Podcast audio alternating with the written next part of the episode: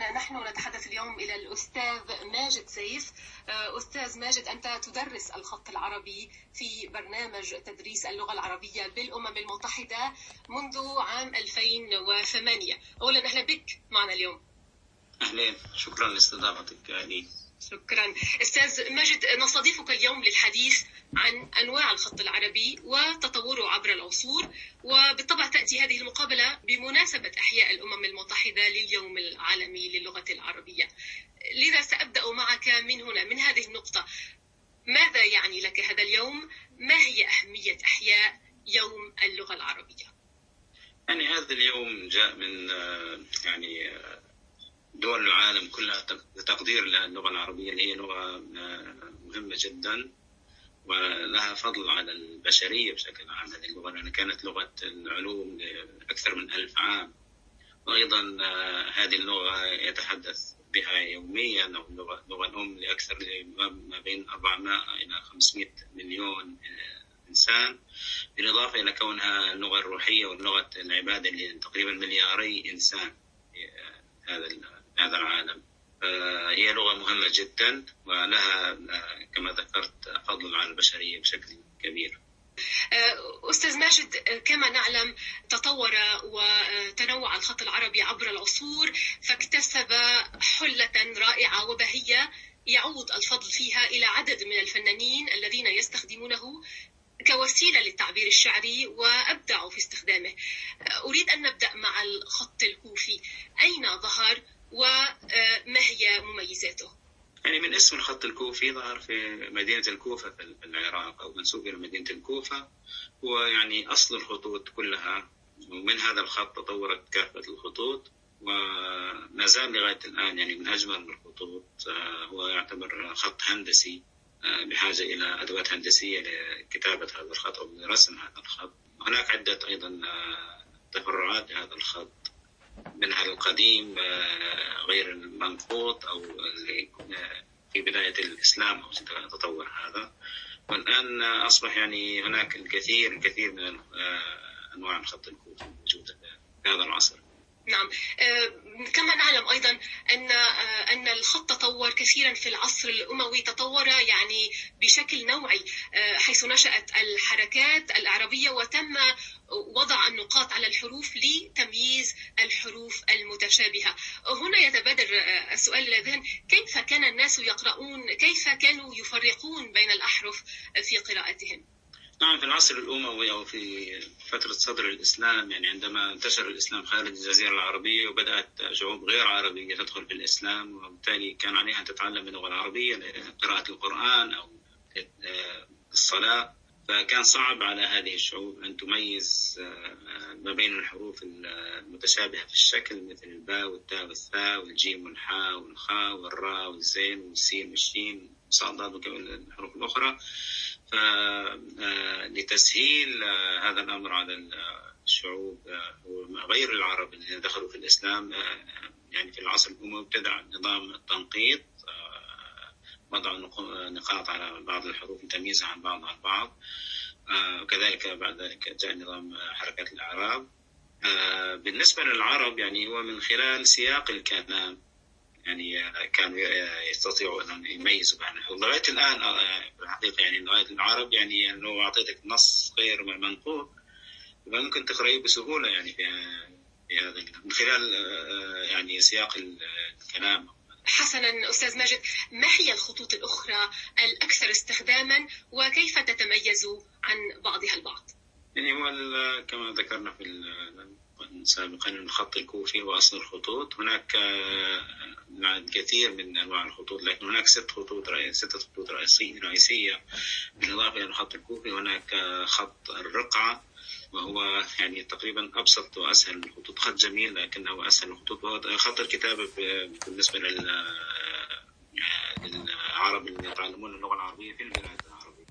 يعني هو خط الكتابة بالنسبة لهم. المفروض الآن يعني في السابق لكن الآن للأسف يعني الخطوط الطلاب أصبحت يعني صعب قراءتها.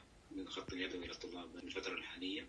آه، خط الرقعة جاء آه، اسم هذا الخط من آه، الرقاع اللي هي قطع الجلد اللي كانوا يكتبوا عليها قبل اختراع الورق الحالي. أيضا هناك خط النسخ هو ربما أكثر الخطوط استعمالا واسمه يعني من النسخ كانت الكتب تنسخ بهذا الخط غالبا لغاية الآن القرآن الكريم يكتب بهذا الخط خط النسخ. وهو يعني معظم الكتب والمجلات والجرائد والصحف يعني تطبع بهذا الخط. هو يعني أكثر الخطوط يعني الناس تميز هذا الخط أكثر من الخطوط الأخرى. تستطيع قراءة هذا الخط أكثر من الخطوط الأخرى. خصوصا بالنسبة للطلاب غير العرب اللي بيتعلموا اللغة العربية هنا في مثلا في الولايات المتحدة الأمريكية فهم بيتعلموا اللغة العربية من خلال هذا الخط. يعني الكتب كما ذكرت مطبوعة بهذا الخط. فلما نعلمهم أنواع خطوط أخرى بيكون صعب عليهم شوي حتى يتعلموا أشكال الحروف. في أشكال الحروف تختلف من خط لآخر. ثم هناك الخط الديواني. اسمه جاء من كلمة ديوان. في الماضي كانت هذه تطلق على مثل الوزارات أو الدوائر الحكومية. من قبل كانت الوثائق تكتب بهذا الخط. فأطلق عليه الخط الديواني.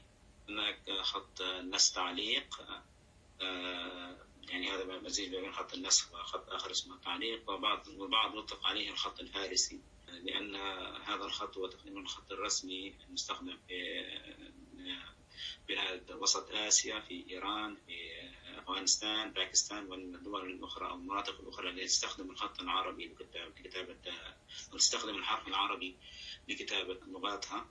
أيضا هناك خط الثلث اللي هو طبعا أرقى هذه الخطوط وأجملها وأصعب من هذه الخطوط.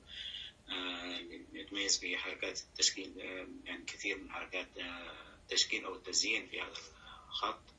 واسمه جاء من من حجم القلم اللي يكتب به ثلث يعني مرتبط بحجم القلم اللي يكتب به وهو يعني يستخدم للتزيين مع بالإضافة إلى الخط الكوفي أكثر من الخطوط الأخرى. أستاذ ماجد الآن نحن في عصر التكنولوجيا، برأيك هل التكنولوجيا تضر بفن الخط تضر بفن الخط العربي أم تساعد؟ هل من الممكن مثلا في يوم من الأيام أن تحل برامج الكمبيوتر محل الفنانين الخطاطين؟ يعني البرامج والتطبيقات الموجودة في برامج الخط العربي وتطبيقات الخط العربي الموجودة على الهواتف الذكية الآن حسب مين بيستخدم هذه البرامج والتطبيقات إذا كان يعني يستخدمها خطاط أو عارف أو دارس قواعد الخط العربي فممكن ينتج شغلات أو لوحات جميلة باستخدامها ممكن تكون مساعدة. لكن إذا استخدمها من هو غير يعني غير ملم بهذه القواعد يمكن ينتج شغلات مشوهة أو يعني لوحات مشوهة.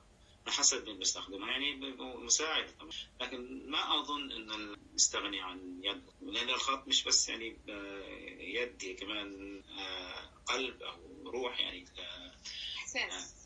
إحساس بالنسبة لكتابة اللوحات. فما أظن أن يوم من الأيام أن هذه التكنولوجيا وسائل التكنولوجيا يعني تأخذ محل الخطاط والفنان من الخط العربي. تكون لكن لا تأخذ مكانه نعم تساعد ولم تأخذ مكانه. حسنا إذا كنت لتختار نوعا من الخط العربي لتخط به عبارة عام سعيد فما الخط ما هو الخط الذي تختاره ولماذا؟ أنا بالنسبة لي أستهوي يعني من الخطوط خط ديواني. هذا الخط لأنه يعني أكثر مرونة من الخطوط الأخرى وبه يمكن في حركات فنية أكثر من الحركات الأخرى أو أسرع في الكتابة خاصة في عندما أكون مشارك في بعض المهرجانات أو بعض الفعاليات فيستهويني أكثر من مع أن في خطوط كل الخطوط جميلة طبعا لكن هذا الخط يعني أحب أن أكتب به بخصوص لما أكتب شغلات سريعة. نعم. أستاذ ماجد شكرا جزيلا. أردنا أن نختم بنفحة أمل لذلك اخترنا عبارة عام سعيد لنسألك عنها. على كل حال نتمنى لك اليوم لغة عربية جميل وإلى مزيد من التقدم في اللغة العربية وأيضا نتمنى سنة جديدة لك ولجميع متتبعينا عله أن يكون عام خير على الجميع. شكرا جزيلا.